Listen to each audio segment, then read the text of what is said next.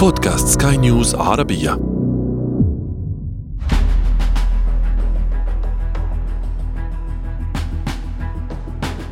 Aus dem Führerhauptquartier wird gemeldet, dass unser Führer من مقر الفهرر أفادت الأنباء بأن الفهرر أدولف هتلر قد مات عصر اليوم وهو يقاتل من أجل ألمانيا ضد البلشفية حتى أنفاسه الأخيرة في مقر قيادته في مستشارية الرايخ. Für Deutschland gefallen ist. في شهر مايو من عام 1945 كان تاريخ العالم يتغير حرفيا.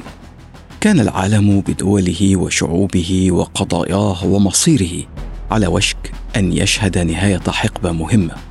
كانت تلك الأيام الأخيرة من عمر الرايخ الألماني. كيف بدأت؟ وكيف انتهت؟ وماذا حدث قبل أكثر من 75 عاما من الآن؟ هذا أنا عمرو جميل أحييكم. وأنتم تستمعون إلى بودكاست بداية الحكاية.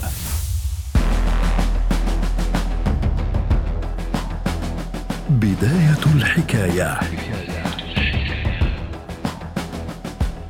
لعلكم تعلمون أنه من المستحيل الحديث عن الحرب العالمية في حلقة واحدة. لأن كل معركة وكل قرار هو مشهد في حد ذاته. قد يحتاج إلى حلقة وربما أكثر. لكن ربما تكون معركة ستالينغراد انطلاقة جيدة للحديث عن الأيام الأخيرة للرايخ الألماني ونهاية الحرب العالمية الثانية. المعركة كانت بدايتها في صيف عام 1941 عندما أطلق هتلر عملية بارباروسا التي وصفت بأنها أكبر عملية غزو عرفها التاريخ بهدف احتلال روسيا. ومع أن كثيرا من جنرالات هتلر عارض الفكرة ونصحه بعدم الإقدام على ذلك لكن هتلر أصر. وفعلا تمكن الجيش النازي من تحقيق انتصارات مهمة وسريعة في البداية لدرجة أنه سيطر على معظم أراضي أوكرانيا وبيلاروسيا وحينها بدأ في توجيه قواته إلى ستالينغراد. كانت مدينة ستالينغراد مهمة لهتلر لأسباب كثيرة. اولا لأنها كانت ستمكنه من فصل الجزء الأوروبي من الاتحاد السوفيتي عن جزئه الأسيوي. وكانت ستمكنه أيضا من السيطرة على حقول البترول وتعزيز الموارد الألمانية خلال الحرب. ستالينغراد أيضا كانت إحدى أغنى المدن السوفيتية بسبب وجود مراكز صناعية بها.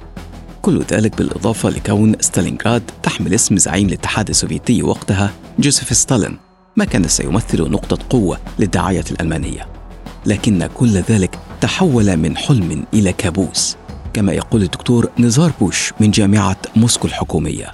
اولا دعني أن أذكر بأن الاتحاد السوفيتي دفع أكثر من 27 مليون إنسان ثمن هذا الانتصار. ونعرف أنه في عام 1939 وقع هتلر مع الاتحاد السوفيتي آه، وثيقة عدم الاعتداء. ولكن آه، على ما يبدو آه، عندها كان هتلر يحضر لخدعة للاتحاد السوفيتي وبعد أن جهز قواته وأسلحته وحشد في عام 1941 بدأ الهجوم واحتل أكثر من 90% من أوروبا خلال شهور معينة. يعني بين شهر وشهرين تقريبا اجتاح كل أوروبا حتى وصل طبعا إلى الأراضي السوفيتية لكن لدى روسيا أيضا هناك قائد آنذاك وهو ستالين الذي بدأ طبعا بمقاومة جيوش هتلر حتى نهاية عام 1942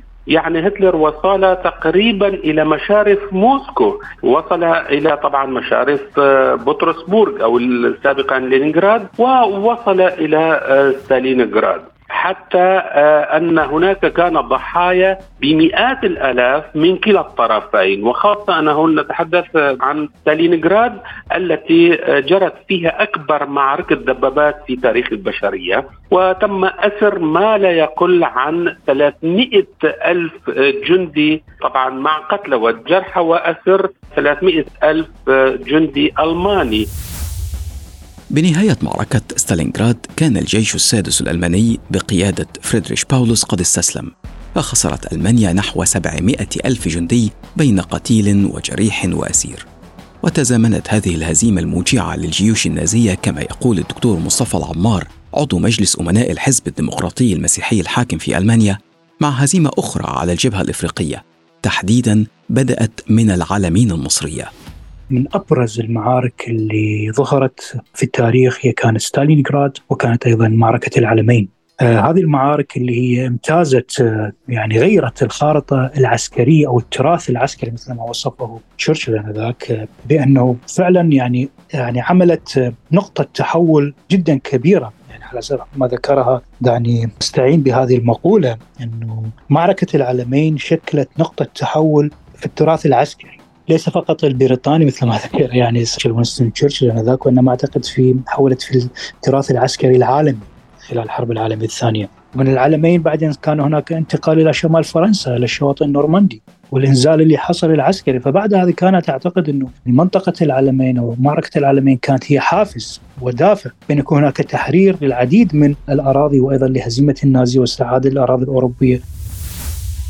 مع بداية الانكسار الألماني تحول الحلفاء من الدفاع إلى الهجوم وبدأوا في تحقيق انتصارات مهمة. نجحت عملية الإنزال في نورماندي وتحررت فرنسا ومنها انطلق هجوم الحلفاء نحو برلين. ومن الجبهة الشرقية انطلق أيضا الجيش الأحمر السوفيتي صوب برلين بعد أن سخر كل القدرات الروسية الهائلة لخدمة المجهود الحربي كما يقول الدكتور نزار من موسكو. الآلة العسكرية الروسية بدأت تعمل بشكل كبير وبدأ طبعا العلماء الروس بدأوا يصنعون أسلحة متطورة جدا أكثر حتى تطورا من بعض الأسلحة الألمانية. وهنا نخص الدبابة الأسطورة في آنذاك طبعا وهي دبابة تي 34 التي يقدسها الروس والسوفيت سابقا وسموها الدبابة الأسطورة التي يعني قلبت موازين القوى حقيقة لتجتاح كل أوروبا لتصل بعدها إلى برلين. انهارت ألمانيا وفي الثلاثين من أبريل انتحر هتلر. في الأول من مايو ألقى خليفة هتلر الأدميرال دونيتس خطابا للشعب الألماني. Deutsche Männer und Frauen, Soldaten der deutschen Wehrmacht. أيها الشعب الألماني جنود الفيرماخت الألماني لقد سقط الفوهرر أدولف هتلر ببالغ الأسى والخشوع. ينحني الشعب الألماني لذكرى قائده. مهمتي الأولى هي حماية الشعب الألماني من الفناء من قبل العدو البلشفي.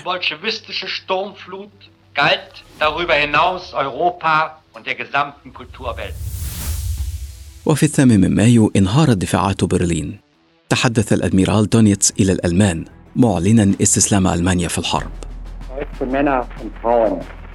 In meiner Ansprache am 1. Mai, in der ich dem deutschen Volk den Tod des Führers أيها الشعب الألماني في خطابي في الأول من مايو الذي أبلغت فيه الشعب الألماني بوفاة ألفو هيرر وتعييني خلفا له ذكرت أن مهمتي الأولى هي إنقاذ حياة الشعب الألماني من أجل تحقيق هذا الهدف أعطيت القيادة العليا للفيرماخت ليلة السابع من مايو الأمر بإعلان الاستسلام غير المشروط لجميع القوات المقاتلة في جميع مناطق الحرب. في الثامن من مايو ستصمت الأسلحة. جنود الفيرماخت الألمان الذين أثبتوا جدارتهم في المعارك سيسلكون الطريق المرير إلى الأسر وبالتالي سيقدمون التضحية الأخيرة من أجل حياة النساء والأطفال. ومن أجل مستقبل شعبنا ننحني لشجاعتهم المثبتة ألف مرة وتضحية القتلى والاسرى